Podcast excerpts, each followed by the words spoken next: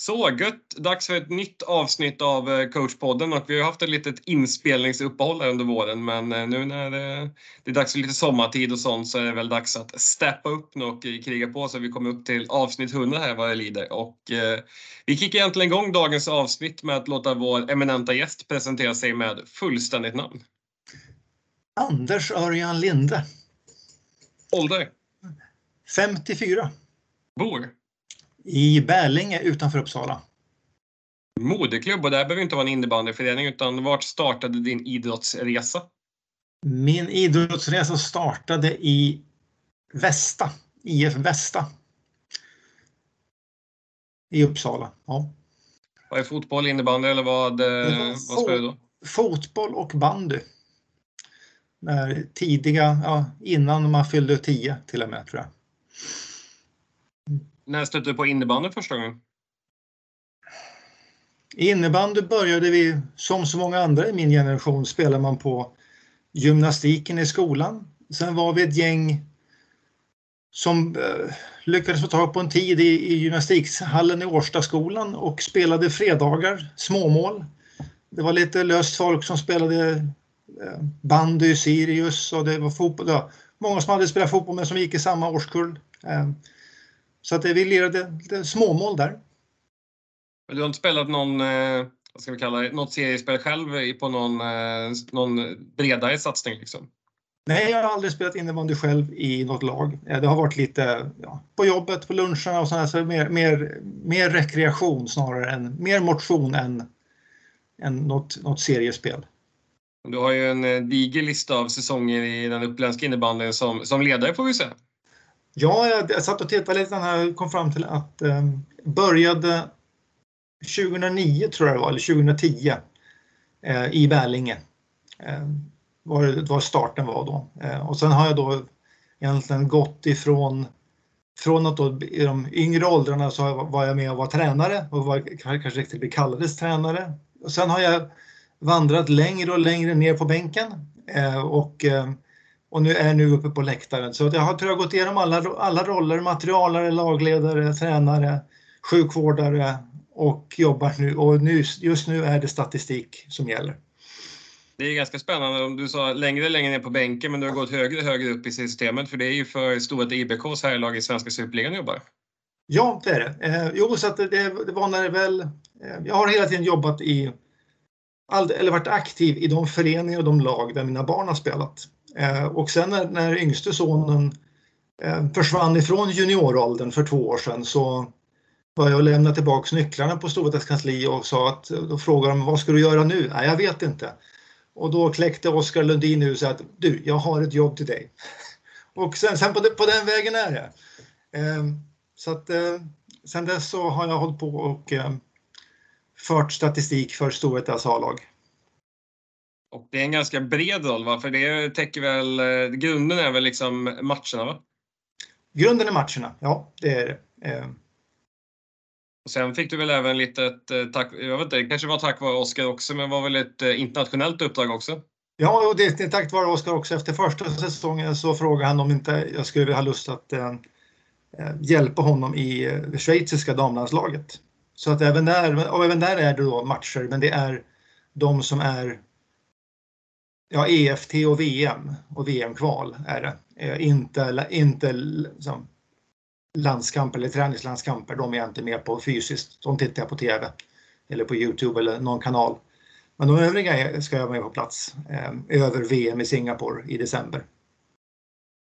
Vi får väl förvarna redan nu då eftersom vi kommer att prata statistik och analys av att vi kommer ta innebandynördigheten till en antagligen till en nivå som är långt över min kompetens men eh, vi varnar väl känsliga lyssnare om man tänker att eh, nördig innebandypoddande är, eh, är något lurigt här men jag tror nog att våra gäster kommer få njuta av en fantastisk underhållning här för det finns ju väldigt mycket roliga saker med statistik som är intressant att bryta ner. Och jag tänker ju en sån här klassisk liksom eh, start liksom, det är ju vilken typ av information vill tränarna ha liksom under en match? Varför ser du dem med då? Under match så är det mest det är två komponenter. Det är dels några rena siffror, dels det som sekretariatet eh, läser ut, alltså skott på mål. Eh, och där är jag sällan överens med sekretariatet. Eh, jag är överens med mig själv hela tiden så jag är konsekvent på det sättet. Sen är det totala antal avslut. Ehm, men sen sen kommer man in med att statistiken i det här fallet är ju, är ju en deskriptiv statistik så att den innebär att det jag för är även var på, var på plan, vart, vart ifrån skottet eller avslutet tas. Vad, vad, vad konsekvensen är, alltså är det skott i täck, är det skott utanför, är det skott på mål eller skott i mål? Ehm, är det på mål så registrerar jag även vart på målet, vart i målet. Eh, ungefär i nio blocks uppdelning på målet, mitt eh, sidorna eller upp, upp, upp nere. Så att det, det är det, det man får ut då, man, man ser ju då Skjuter vi mycket på första stolpen, har vi mycket räddningar där och så vidare. Så, så, det, så och det där kan jag då få ut grafiskt och visa hur, hur vi tar skotten. Sen för jag ju samma sak för motståndarnas avslut. Så att jag får ju en komplett skottbild eh, på vart, vart vi tar avslut och var motståndarna tar avslut. Och det kan man då titta på i, i pausen och se om man där då rent grafiskt eller geografiskt planmässigt ser eh, ett mönster. Vilket verktyg du jobbar i då? Jag jobbar i ett verktyg som är utvecklat av Svenska innebandyförbundet. En kille heter Jonathan som har eh, knappat koden eh, och Niklas Nordén var den som startade det här som ett, som, som ett spelutvecklingsverktyg. Det heter Floorball Analyzer, finns att information på förbundets hemsida. Lite knapphändig och det, där står också hur man löser en licens och licensen är per lag. Och tidigare var tanken att den här statistiken skulle vara publik, men det, det, ja, den är väl inte i dagsläget? va? Nej, jag såg en, en tråd på Twitter om det här eh, för inte så länge sedan. Eh, och det bekräftar väl egentligen det som jag trott att det var väl då det skrevs in i seriekraven att, att, att lag, alla SSL-lag skulle föra det förra säsongen. Eh, den här säsongen skulle alla lag i allsvenskan eh, också använda det. Men då var det några lag i SSL som eh, helt enkelt de vägrade. Av olika, jag vet inte vilka anledningar, men de, de förde inte statistiken helt enkelt och då i och med att inte alla lag bidrog till, till siffrorna så då kunde man inte heller lägga ut siffror för, för, för, för de andra lagen. Eh, det, ja, de andra lagen ville ju inte det för då, då fick ju då de, de lag som inte bidrog fick ju då en, en, en fördel av att se siffror på alla andra lag men inte, inte avslöja någonting om sig själva. Så att, ehm, och det är väldigt tråkigt för jag tror att ehm, det skulle ha varit ett, ett ehm, stort värde för, för, för innebandyn som sport att kunna marknadsföra sig, att, att kunna erbjuda både media och publik live och se hur många avslut man haft. Men det här, man ser det i hockeyn, man ser det i fotboll, man ser det i handbollen hur många, hur många avslut har man tagit, hur många, hur många är på mål, vad är bollinnehavet i procent och så vidare. Saker som egentligen inte säger så mycket om det taktiska. Det, det, är, bara, det är bara faktiska siffror, det säger ingenting om, om lagets taktik. Ehm, så att, men, och det, det, det är synd att det inte har kommit in, men jag fick en, det skickades ut en fråga här nu faktiskt i, igår från förbundet att de tänker på SM-finalerna så, så letar de efter personer som ska föra statistik i det här verktyget och där det då ska läggas upp på mediakuben i om det är i paus eller om det är kontinuerligt, det vet jag inte riktigt. Men de, de sökte efter frivilliga som kunde jobba för att då ge publiken eh, mer kött på benen, mer, eh, mer information helt enkelt. Och det tror jag är värdefullt. Då kommer ju följdfrågan att eh, kan, kan inte du dubbelköra? Eh, det är, väl, det är väl en sak jag måste ta med Mika i sådana fall då om jag, om jag, ska, jag eh, om Storvreta är i final, vilket jag hoppas och tror, eh, så kommer ju informationen, jag kommer att registrera den information som de kommer vilja lägga ut för, för båda finallagen. Så att, men det, det, blir, det blir en fråga för, för, för Mika att bestämma. Och lite grann för, så det, det ligger i framtiden. Jag har sagt att jag är intresserad men med ett eh, Kanske, utifall att. Men det är också intressant nu när vi börjar komma in lite här på slutspel och finaler och sånt där. Att vad liksom, kan man se stora statistiska skillnader mellan grundserie och slutspel? Antal avslut. Eh, antal täckta skott. Ehm, är det, är det som, som går och ehm, så det, man kan säga att, att ja, det, det är framförallt det som sker och sen så blir, sen går effektiviteten ner, det krävs, du gör färre mål per skott på mål. Eh, av, av flera olika anledningar tror jag. Eh, så allting hänger ihop att om, om försvaret jobbar hårdare på att hindra, eh, för att hindra skott, ja, då, då blir det också färre avslut för att du, du gör ett val att inte ta ett avslut i tech. Eh, utan du fortsätter spela och försöker leta ett nytt läge, då går antalet avslut ner. Sen så när du täcker fler skott eh, så får du också då, för då får också med sig att, att till slut så börjar du ta avslut och då får också, så är också lite fler skott utanför mål.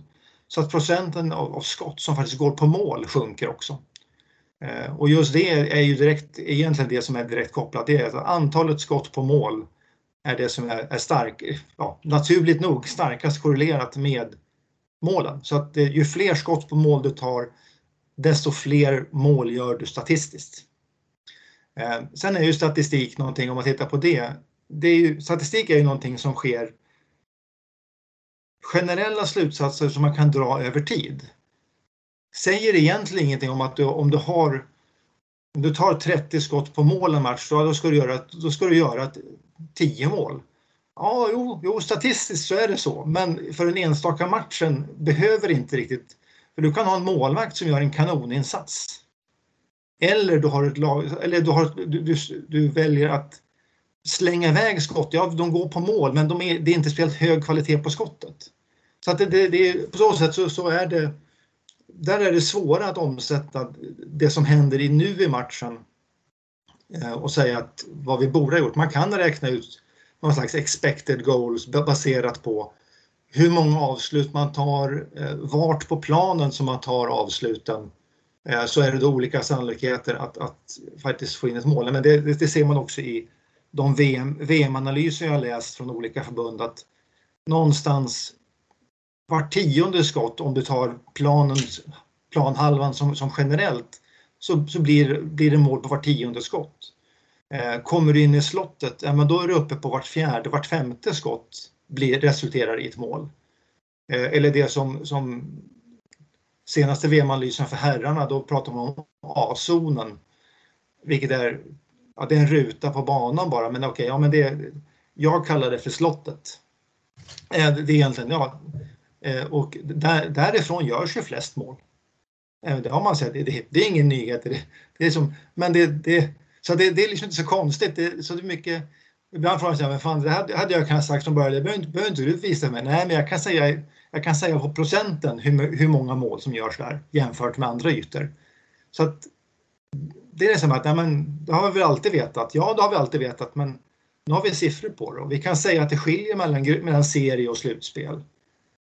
Och så så att det, det, det, liksom, det är det statistiken egentligen ger. Den ger hårda siffror på, på det som händer på plan. Eh, och det som oftast tränarna känner, de har en känsla för, okej okay, vad är det någonting? Ja, men, och så, då så berättar man sig, ja men okej, ja, men det, stämmer, det stämmer vad jag tror. Det, skottkartan stämmer med den bild jag har. Och då är det, är det mer att tränarna får en, en bekräftelse på att deras känsla är rätt ibland kanske det är så att, att det, ah, okej, ja, men, okay, då, då kanske de får någon liten bit, men oftast har jag en känsla av att det är under matcherna så är det en bekräftelse av en känsla eh, för, för tränarna att, att det är rätt eh, på, på ett lag som helhet. Sen kan man titta på individer också, liksom hur, hur vad, vad, har en, vad har en individ, har, har, har de gjort någonting liksom eller inte? Eller vad har de gjort? Jobbar du bara mot tränarna med liksom serva med statistik eller går du liksom direkt till spelarna vid något tillfälle? Under match jobbar jag bara mot tränarna. Eh, efter varje match så skriver jag en, eh, en sammanställning eh, med även här då, jag kör rätt mycket råa siffror och, och, och levererar, okay, hur, hur betedde vi oss på, på, de här, på de olika parametrar som man då kan beräkna eller som jag, som jag registrerar. Sen lyfter upp några punkter som jag tycker är bra. jag lyfter bara upp i kommunikation till spelare i, som, som, som, som lag, som helhet, lyfter jag bara upp det jag tycker är bra. I princip. Eh, jag, jag lyfter, förutom eventuellt målvaktsspel, målvaktsräddningar, så det är den enda position som jag kan höja eh, i, en, i en slutsats eh, till, till laget som helhet. Eh, sen är det vissa spelare som, som önskar en, en, en återkoppling.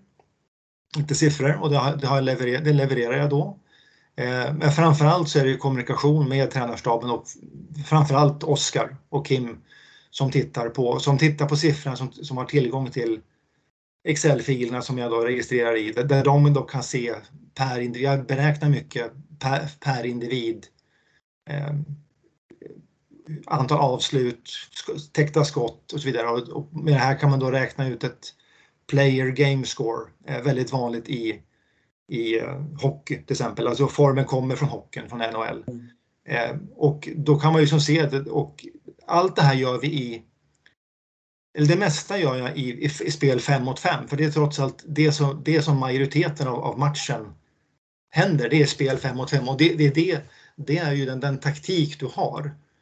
Sen, sen så kan jag då diskutera med Kim som då har ans, mer ansvar för, för powerplay så kan man se okej okay, hur, hur, hur sker det i powerplay?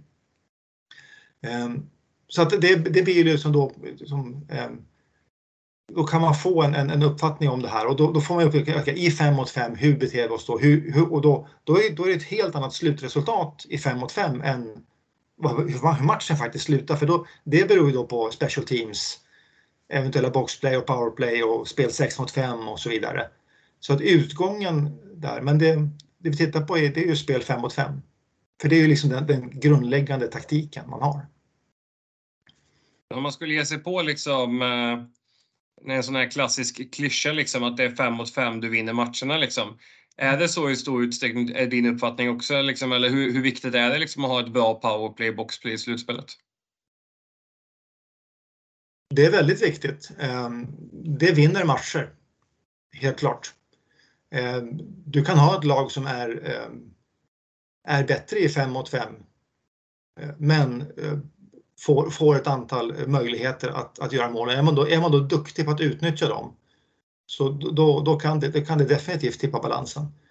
Eh, stort sett så, så, så, är ju, är, så är ju trots allt 5 mot 5-spelet det som dominerar över lång tid men i, i slutspelet så kan det vara annorlunda. Det beror lite på hur många omställningar släpper man till kontringsmål och sånt där. Så det, det, det, hänger inte alltid ihop att den som skjuter flest skott på mål faktiskt gör flest mål eller, eller vinner matchen.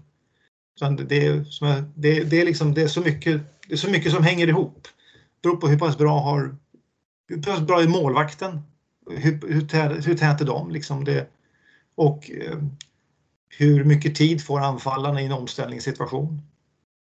Men skulle man kunna, det hade varit intressant att se liksom någon sån här universalformel, liksom att om man kan spela sig till 10 avslut i slottet per period och man sen får 8 av de 10 avsluten på mål och 5 av dem lågt, för där blir det statistiskt sett flest mål och sånt där.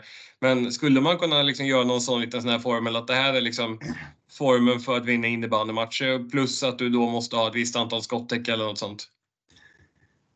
Ja, det, det, det, enda, det enda statistiska, de enda siffrorna som faktiskt säger någonting om, om, hur matchen kommer att gå, det är om du gör fler mål än motståndaren.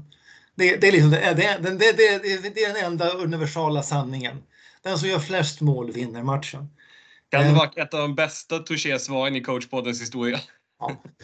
Ja, det ser du. Det ser. Ja, men fan, du behöver inte statistik för att säga. Nej, det behöver man inte. Men det, det, det, det, det är trots allt ett statistiskt mått. Det, det, det, det, det är det enda som är, som är helt sann.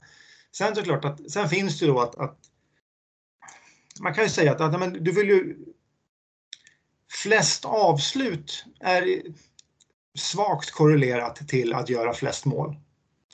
Eh, eller fler, eller svagt korrelerat till att göra mål. Det som är mest starkast korrelerat till att göra, det är, det är förstås skott på mål.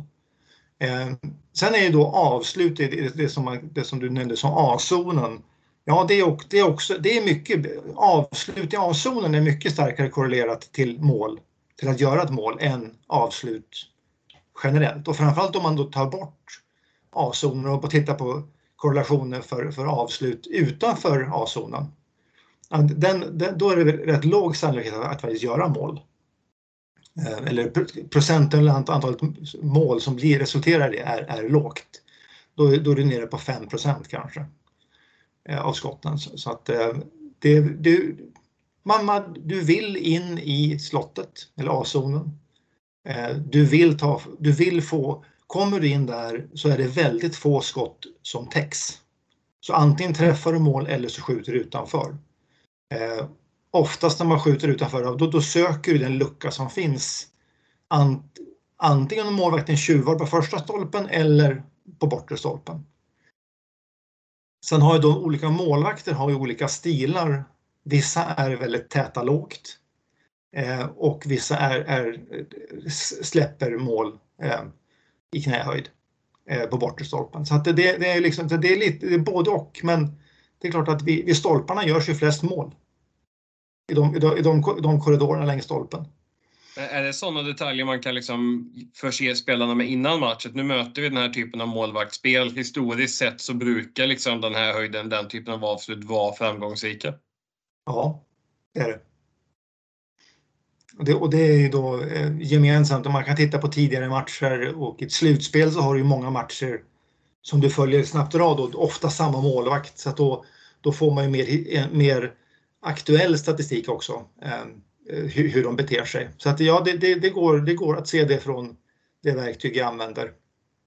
Hur delar ni upp arbetet sen? Liksom, sitter du någonting med videoredigering och tar ut klipp i spelet eller ligger det mer på Kim eller Oskar att jobba med det eller hur, hur ser fördelningen ut? När man ska ja, det, bearbeta det, efter en match liksom. Ja, det är huvudsakligen Oskar som sitter med, med klippen. Eh, och sen så sen tar då, och det är därför då jag, jag mer kommunicerar med med tränarna eh, med, vad gäller siffrorna för då, då, då plockar de in, eh, tar hänsyn till siffrorna, tittar på klippen och sen så väver de ihop det här eh, när de då gör eh, sin återkoppling till spelarna eller matchgenomgångar. Så att eh, på så sätt så är det, är det jag har väldigt lite med, med den enskilda matchen att göra i återkoppling till spelare. Där, utan där är det mer eh, trender för spelarna att se hur, hur många, var, vart har jag gjort mål eller vart har jag avslut och så vidare. Så det där kan man hjälpa, men det var ju som tidigt, det var ju som det första när jag började med statistik var ju ja, någonstans runt 2015, 2016. Eh, Sirius pojkar 99 som jag då kunde påpeka då för att, att för några backar att ja, men om du, du skjuter väldigt mycket skott här men de, de går i täck och, då, och då, då är det risk för omställning. Kan du bara ta ett eller två steg till och försöka komma förbi, få klubban förbi motståndaren så kommer du kommer att göra fler mål och, du kom, och det kommer resultera i färre omställningar. Eh, den sanningen gäller ju även idag. Eh, att, att, att, eh, att värdera var, var du tar avslutet. Om man då tittar liksom sådana här saker som kanske inte är kopplat så mycket till just skott och liksom så tydlig statistik, men typ en sån detalj som pressspel. Är det något ni tittar på under en match? Liksom, hur framgångsrika är vi i pressspel? Vart vinner vi boll eller liksom något sånt? Eller vad, vad är tanken om det? Ja, tanken är att, att, att eh, förra året så, så var även Len, Henrik Lennmark, eller Lenny, eh, delaktig och han, han tittade mycket mer, eller han tittade då mycket på spelmomenten, pressspel, uppspel eh, och så vidare. Jag registrerade då mer vart saker och ting hände med bollen. Men ja, definitivt, pressspel är någonting man, man kan registrera. Jag har nått min, min kapacitet tids, hjärnmässigt och tidsmässigt att, att kunna registrera saker. Så att det, men det är definitivt saker man kan registrera men, men det, man behöver ha fler personer som sitter och registrerar. Man behöver dela upp jobbet. Eh, pressspelet är också sånt som man då kan titta på efteråt. Eh, och någonting som då eh, egentligen tränarna får då ha sin, sin känsla från bänken. Hur fungerar pressspelet? Eh, och de, de momenten får, får de känna. Eh, Eh, Eh, under matchen. Sen kan, man, sen kan man analysera det efteråt om man vill göra det. Men det är definitivt saker som man skulle kunna plocka in i det här om man var fler som satt och registrerade. Nej, och det, är, det är väldigt kul att försöka identifiera den typen av mönster. Liksom, vart vill motståndarna vinna boll och då försöka liksom, okay, antingen ska vi spela dit bollen hela tiden och ha en lösning för att ta oss vidare eller så ska vi undvika de här ytorna. Det är ju lite intressant med de här eh, hjärnornas duell under matchen liksom. Ja, ja precis. Därför jag lägger det i, i coachningen. Liksom, för det, det, sen, för det, det blir det är också helt en, en den är också väldigt mycket dynamisk. Alltså du, du gör någonting och så, så ser motståndarna det och då hittar de på någonting nytt och ändrar de sin taktik för att göra det här. Så där är det hela tiden, det är som en match i matchen. Det är som en, en bordtennismatch eh, där mellan, mellan coacher. Liksom, ja, nu spelar vi på vänster sida. Nej, okej, okay, men då stänger vi det. Ja, då, då byter vi till höger. Ja, då, då skiftar det om. Eller man skiftar om med femmorna för att eh, markeringsspelet blir annorlunda och så vidare. Så det, det, är ju liksom den här coachningen som då är mycket baserat på erfarenhet och känsla. Och mindre, mindre på eh, eh, siffror egentligen. Sen kan jag tycka det är intressant också just när man pratar press, just att hitta nycklar på att bedöma forwards. Det blir väldigt lätt att man stirrar sig blind på att leverera forwarden offensivt. Alltså, vad har vi poängsnitt på den här spelaren? Liksom, att det blir väldigt lätt att man bara bedömer spelaren utifrån det. Liksom. Men det är också intressant att titta på en helhet, att man kanske har någon som har massa andra delar att bidra med. Jo precis, men det är väl till exempel om man tittar på med poängen så tycker jag det saknas ju i ja, vi har bara en assist nu. Man borde, ha, man borde ha en andra assist för det kanske egentligen är den som gör andra assisten eh, som, som är den som, som öppnar upp hela biten. Den som, som gör den här passningen som gör att, att det bildas en lucka eller bildas en, skapas en rörelse hos försvaret som, som öppnar luckan för målet sen. Så att jag tycker att det saknas andra assist. Eh, så det är någonting som man, och det får du inga poäng för. Eh, sen så har man ju olika roller också i, i, bland forwards. Eh, där då någon kanske ska balansera för att andra ska kunna vara mer effektiva. Eh, jag tycker att man kan ta in i det här game score som vi håller på med, player game score, så, så kan man ju ta in, eller vi tar in eh, vunna bollar, Eh, man tar in, bryter du uppspel, bryter du inspel, eh, lyckas backarna göra ett bra uppspel. Man räknar det, så man räknar de momenten som då är försvarsmässigt viktiga eller anfallsmässigt viktiga. Att, att hur, hur, får vi in bollen i zonen? Eh, och vem, och vem, vem hittar den luckan? Sen är även det då ett samspel. Eh, pass, pass, back och sen helt plötsligt så har du flyttat boxen tillräckligt mycket och då får du en lucka för att kan spela in. Och vem, vem har då gjort ett vem får då cred för, för, för det arbetet? Det är ju, så det är också svårt att, att, att det är ju givetvis hela femman som, som ofta eh, är delaktig med, med rörelse som skapar den ytan så att man kan spela in bollen. Så att på så sätt så är det, det är lite, lite orättvist att bara titta på poäng. Utan du måste titta på ett lite bredare begrepp. Vad, vad gör spelaren? Hur, hur deltar de i pressspelet? Lyckas de eh, pressa motståndarna att tappa boll? en bollvinst, ja, hur mycket det är värt jämfört med en assist eller ett mål. Eh, så att eh, på så, på så sätt kan man då kanske tycka att, att, att, det är lite orättvist att den som gör mål och den som gör assisten är de som, som alla lyfter. Men vem, vem är det som gör jobbet så att, så att de kan stå där och få göra de målen? Eh, på så sätt så kanske det är bättre att titta på plus minus. Hur många jag mål framåt? Det är för jag försöker räkna lite på Eh, för egen del, liksom just att eh, när man bedömer backar, i och med att de är kanske de som drabbas mest av andra assist om man liksom inte har skotten. De kan liksom gå mycket på kassen och liksom det blir mål på returer.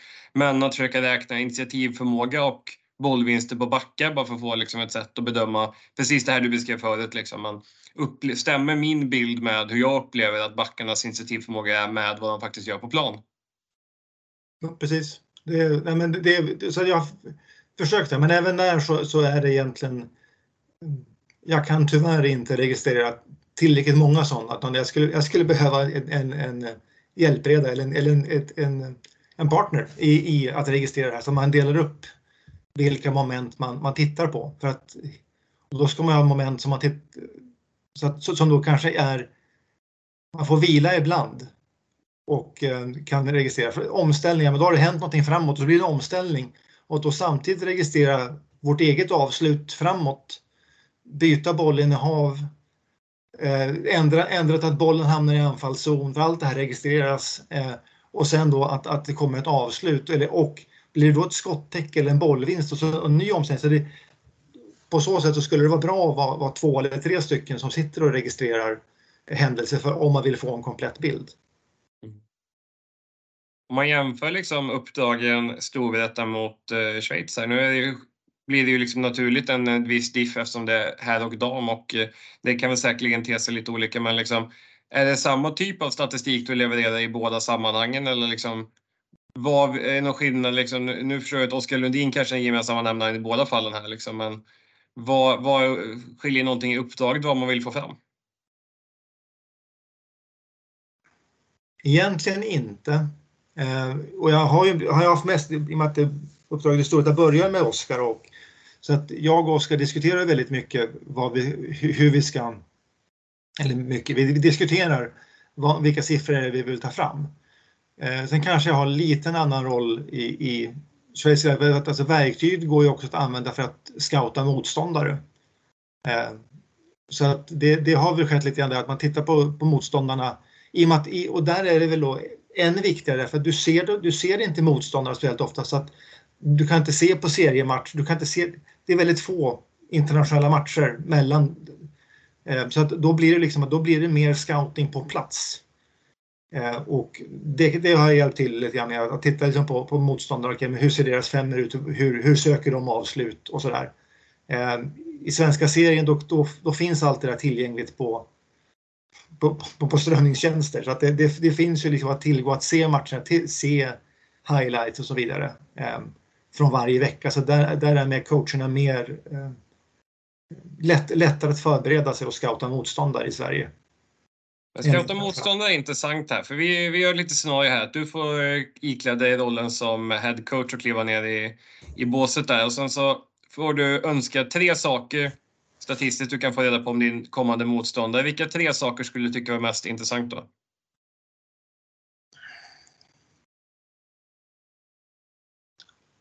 Uh, hur de gör, eller var de gör sina uppspel. Uh, hur de, tar, hur de var de tar sina avslut. Eh, och hur, hur agerar målvakten? Uppspelen så tänker du liksom, är det mer att man vill se, är det liksom att de söker L-uppspel eller tampar de in med högerback centralt och droppar eller liksom, är det den typen av tankar du har kring uppspel? Ja precis, men hur, hur, hur, försöker de ta in bollen i zon?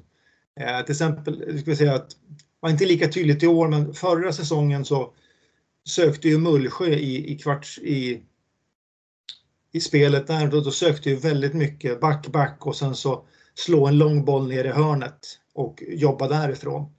Eh, och det, det, är klart att men, ser du det, det, det, kan man då registrera det? Det är inte bara statistiken, det är även att titta på och se hur, hur de försöker göra. Men, men ser man deras uppspel så, så kom, registrerar man uppspel hur de går till så kommer man se det här ah, lång, långa spelet ner i, i hörnet.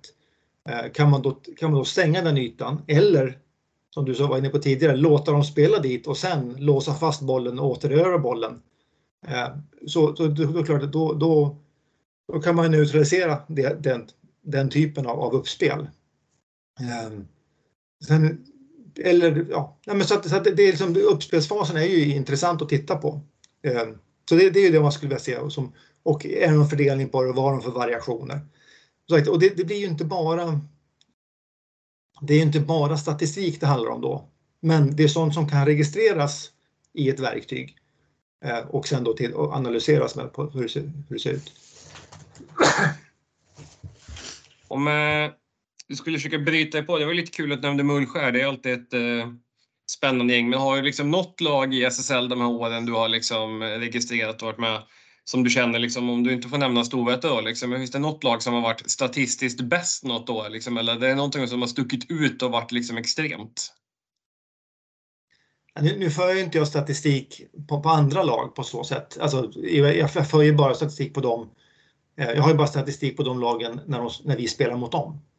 Så att, och inte när de spelar mot andra. Men, och det, och det enda, eller det tråkiga svaret, det enda verktyget man har då, det är ju tabellen.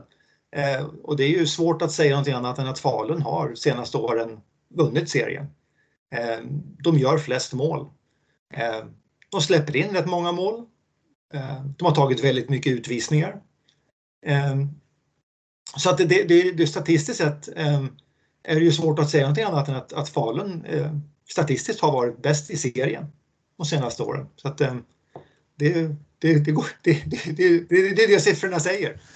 Eh, jo, men sen... Det är skönt att vi ändå har liksom en, eh, en ytterligare liksom källkrit, käll, källkritik som kan bekräfta liksom att tabellen inte ljuger. Nej precis, nej, nej, nej, men så är det ju. Tabellen visar ju en sanning. Eh, och, och, det, och det, så sagt, men jag säger också, det visar också hur, hur, det, hur det laget har presterat i serien. Vilket har en viss indikation för tippningen inför slutspelet. Men, men slutspel och serie är, är två olika saker. Eh, det ser man ju liksom, det, du kan du kan få ihop det, du kan vara, ha jättebra start, du kan ha en, en dålig mitt eller bra slut och sen så, så och det säger, behöver nödvändigtvis inte säga någonting om förutsäga utfallet i ett slutspel. Det är klart att eh, var väl ingen, eh, det var väl ingen överraskning att Falun slog Mullsjö med 4-0. Eh, det, det, det, det, som, där är det rätt stor skillnad men att men börjar titta på topp 4, ja, då, då börjar det bli, då är, är det lite svårare att, att vara helt definitiv därför att du agerar annorlunda under ett slutspel än, än vad du gör under en serie.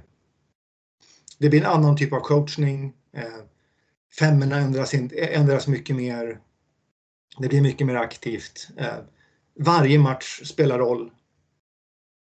Så att det, det blir eh, oftast en annan mental inställning hos spelarna också.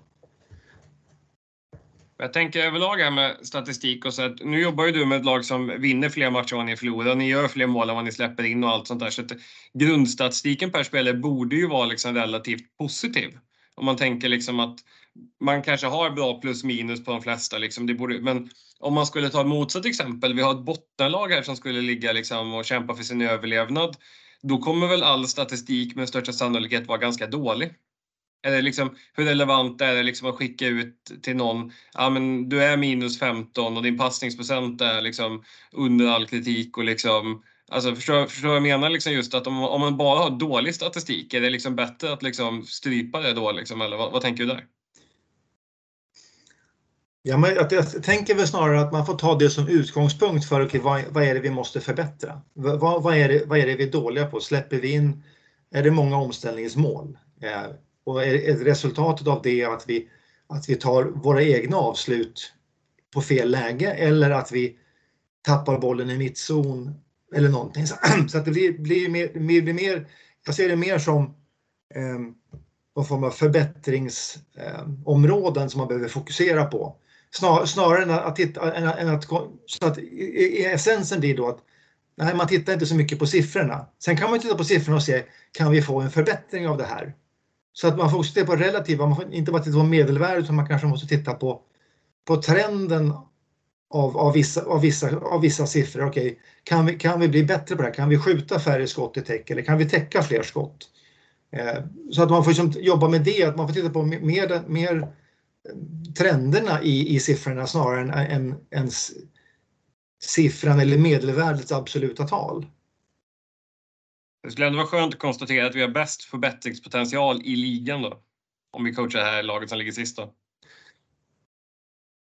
Ja, eh, möjligheten, till, möjligheten till bästa procentuella förändring, ja den finns ju där. Ja.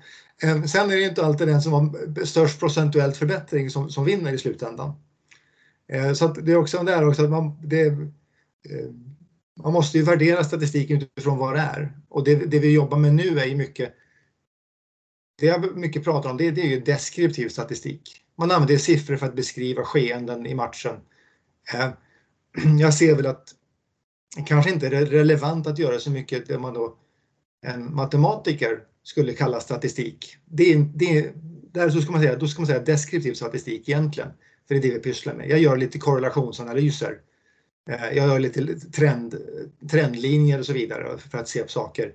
Och de jag gör trendlinjer för, ja då gör jag en korrelationsanalys för att se, men hänger, hänger det här måttet ihop med mål framåt eller bakåt eller någonting? Och det, det visar ju bara på, det är egentligen bara ytterligare ett, det blir bara ett mått på att ja, den här, den här parametern är viktig.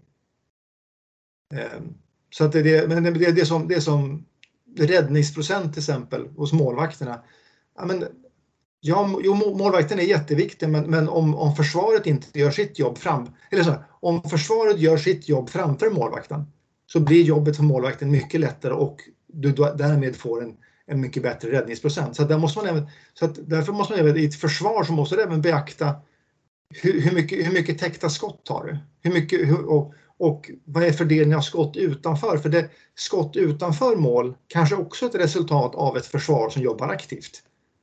Så att där måste man, där måste man då väga in allt det där som ett försvar. Likväl som ett anfall är, är inte bara vem gör mål och vem gör assist utan vilka är det, är det någon som gör en löpning, är det någon som gör en öppnande passning? Eh, är det ett bra uppspel? Så att det, då måste man liksom bedöma det utifrån en helhet. Och, det kan man då, och då, där är det ju svårt att, att registrera tillräckligt mycket händelser så att, så att man kan få den bilden eh, något klar för sig så att säga.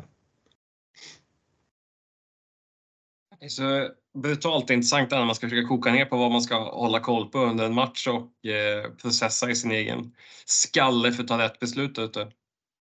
Ja, det är, men så i slutändan är det ju liksom att, att det, eh, det som Storvreta gör i år att ha satsat väldigt mycket försvaret, ja, men det, det, gör ju väldigt mycket för då får ju, ja, men då hindrar du hindrar motståndaren att göra mål. Okej, kan vi då lyckas göra ett mål mer än dem, ja, då vinner vi matchen. Eh, så det, det, blir ju liksom otroligt viktigt. Eh, matcher som slutar 9-9 eller 12-9 men vad, hur jobbar lagen med försvar då? Visst, de är duktiga på att göra mål framåt, men är, är det de som är duktiga på att göra mål eller är, är, är båda lagen dåliga på att försvara?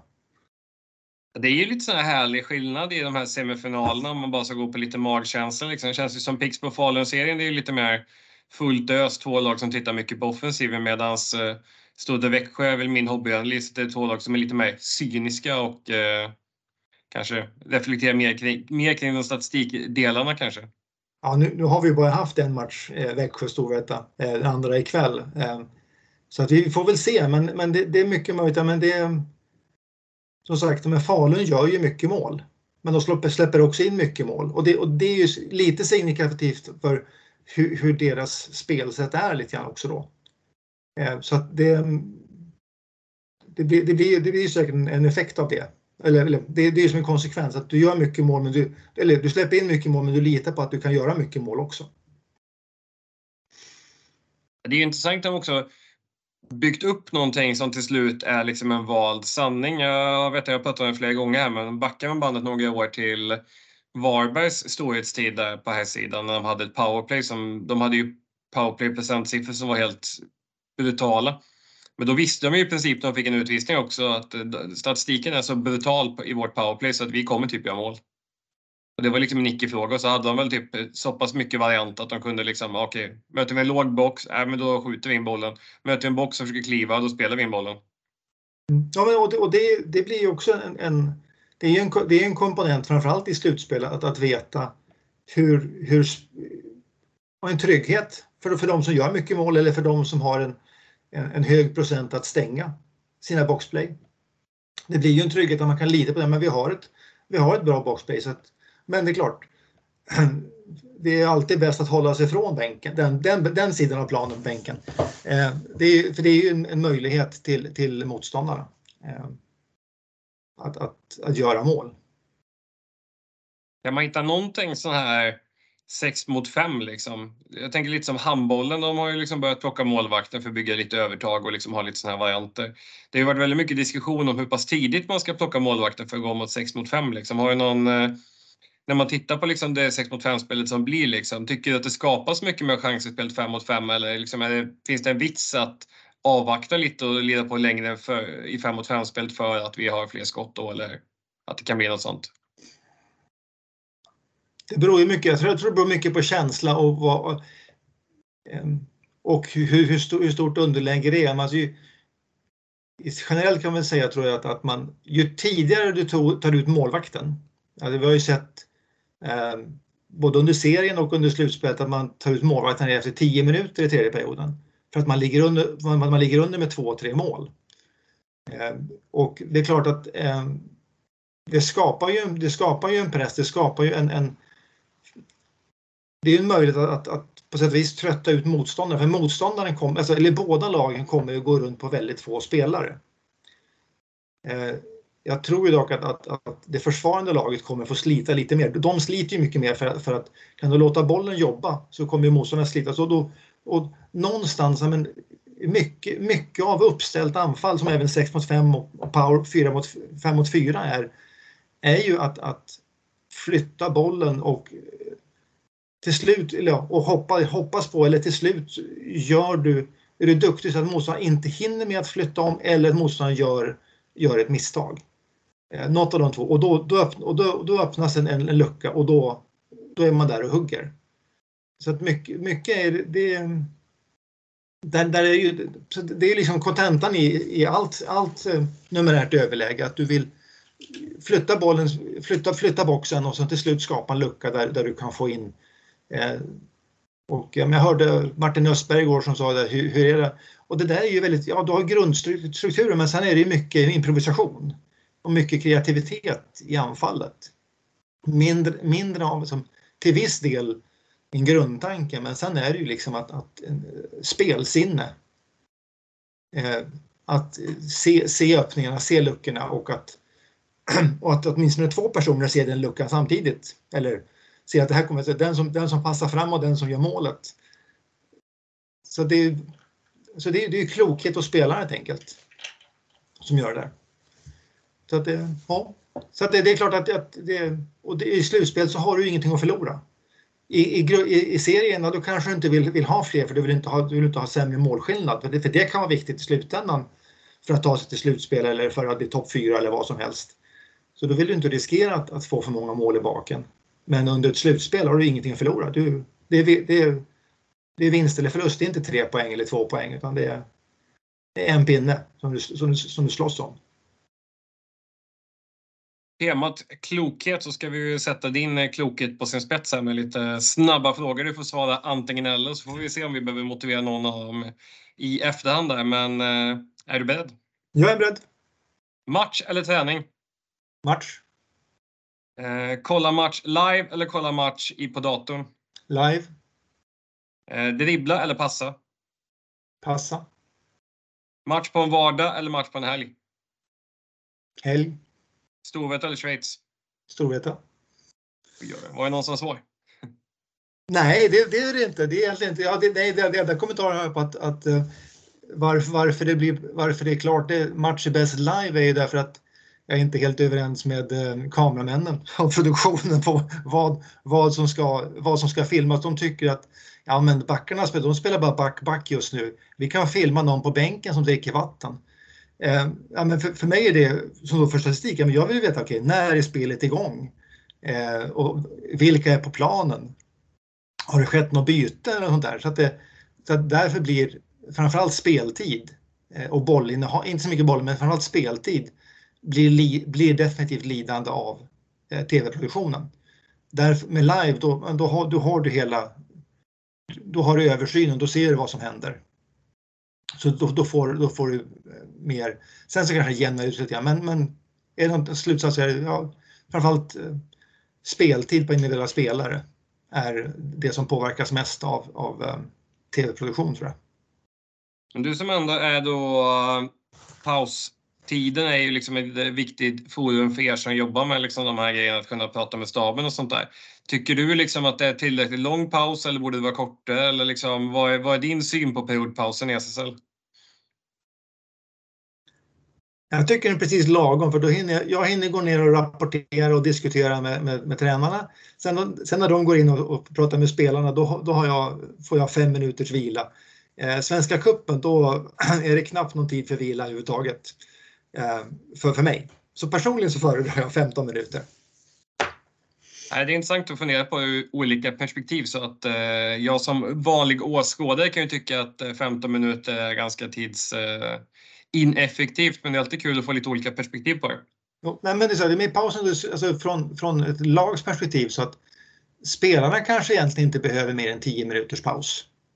Alltså för, för att vila och kunna, då kan de vara redo att spela efter 10 minuter, möjligtvis på så sätt. Eh, men just ur ett coachingsperspektiv så kanske du behöver en 6-7 minuter för att sitta och analysera eh, och, och, diskutera och sen så kommunicera och sen ett par minuter att kommunicera det till laget. Eh, så att då, då, är, då är 10 minuter väldigt kort. Men på tal om egna initiativ och kloka saker och sånt där. Vi har ju att du ska få sätta ihop en liten egen drömuppställning och eh, det är ju valfritt om du vill ha fem utspel en målvakt. Du kan ju plocka målvakten ganska tidigt här och spela 6 mot 5 då. Men ja. eh, någon eventuell ledarstab också får du också sätta ihop fritt om du har, har en sån på lager. Ja, um... Ja, jag, har valt, jag har valt motiveringen till Delta det, alltså jag har valt utifrån de, utifrån de lag som jag har varit aktiv i. Som jag, jag kan inte ta åt mig äran på något sätt för, för, deras, för spelarnas framgångar, men jag har bara varit aktiv. Jag har gett, de flesta har jag gett choklad och Dextrosol i pauserna och kanske, kanske plåstrat om någon gång.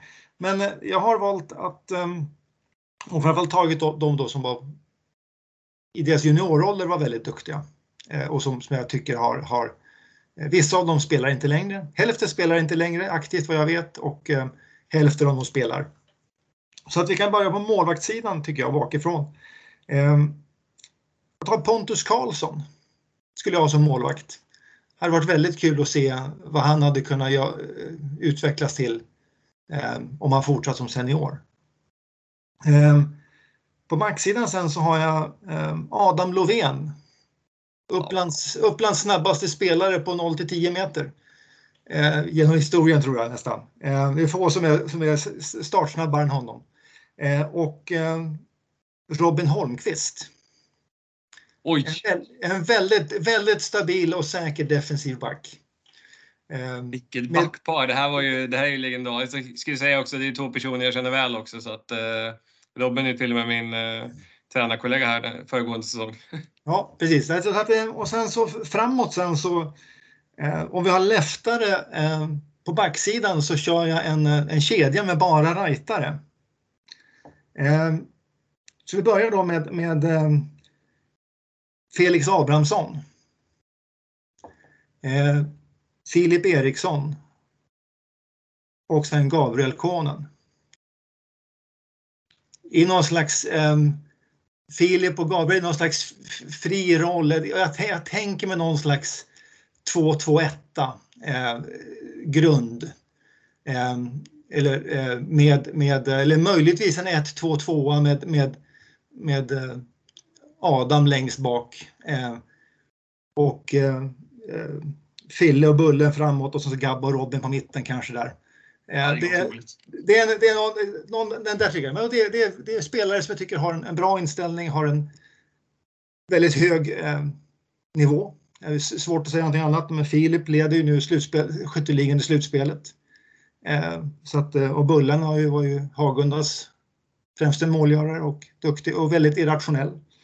Eh, och Gabriel ska bli väldigt spännande att se vad han kommer att eh, uträtta i, eh, i SSL. Har ju varit väldigt framträdande i poängligan i, även där då i, i, i allsvenskan. Så att det, det, det, det, det är sex sköna killar. Ja, fantastisk uppställning. Bara, bara det här man hör en kedja med bara rightare är ju liksom en match made in heaven. Kan man se någonting? Det finns ju lite sådana här delar att liksom vänsterhänta skulle tänka mer med den kreativa hjärnhalvan eller något sånt där. Liksom. Men eh, har du någon sån spaning just på att man ser att liksom högerskyttar tenderar att vara extra framgångsrika i målskyttet eller någonting, högre skottprocent eller något sånt?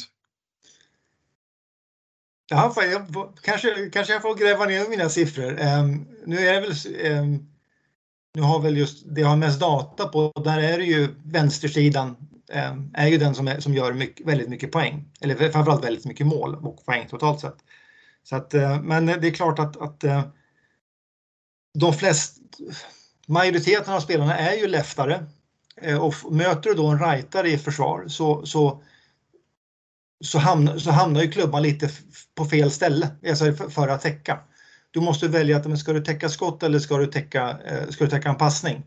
Och då är klubban åt, åt fel håll och, i något läge. Eh, och det blir ju lite, det blir lite, det blir liksom lite avigt. Eh, så att eh, jag har även varit med om att, att, att köra en, en powerplay med, med bara rightare. Och det är också, det är också väldigt avigt.